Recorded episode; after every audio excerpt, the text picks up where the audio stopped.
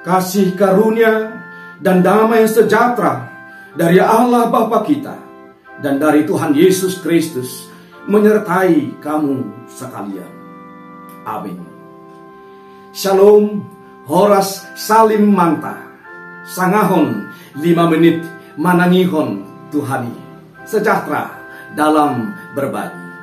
Firman Tuhan bagi kita pada hari ini adalah tertulis dalam kitab Zakaria pasal 7 ayat 10 yang berkata, Janganlah menindas janda dan anak yatim, orang asing dan orang miskin, dan janganlah merancang kejahatan dalam hatimu terhadap masing-masing.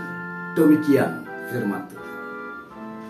Menindas adalah sebuah perbuatan yang tidak terpuji. Sebab menindas adalah bahagian dari tindakan yang membuat seseorang menderita.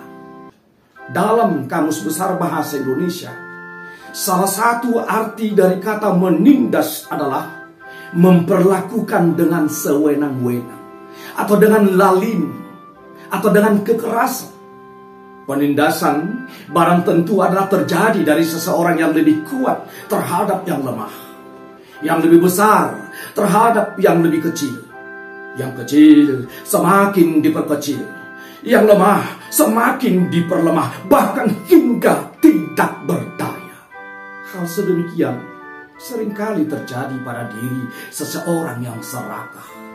Keserakahan akan bisa menempah diri seseorang untuk menindas demi mewujudkan ambisi dan keserakahannya. Melalui firman Tuhan saat ini, kita diingatkan agar kita tidak menindas mereka yang janda dan anak yatim, orang asing dan orang miskin. Bahkan kita diingatkan untuk tidak merancang kejahatan terhadap mereka.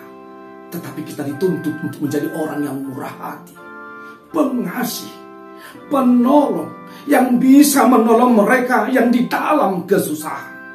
Sebab apa yang kita lakukan kepada mereka yang berkesusahan tersebut Sesungguhnya kita sedang melakukan untuk Tuhan. Itu yang disebut dalam Matius 25 ayat 40 Dan Raja itu akan menjawab mereka Aku berkata kepadamu Sesungguhnya segala sesuatu yang kamu lakukan untuk salah seorang dari saudaraku yang paling hina ini, kamu telah melakukannya untuk aku.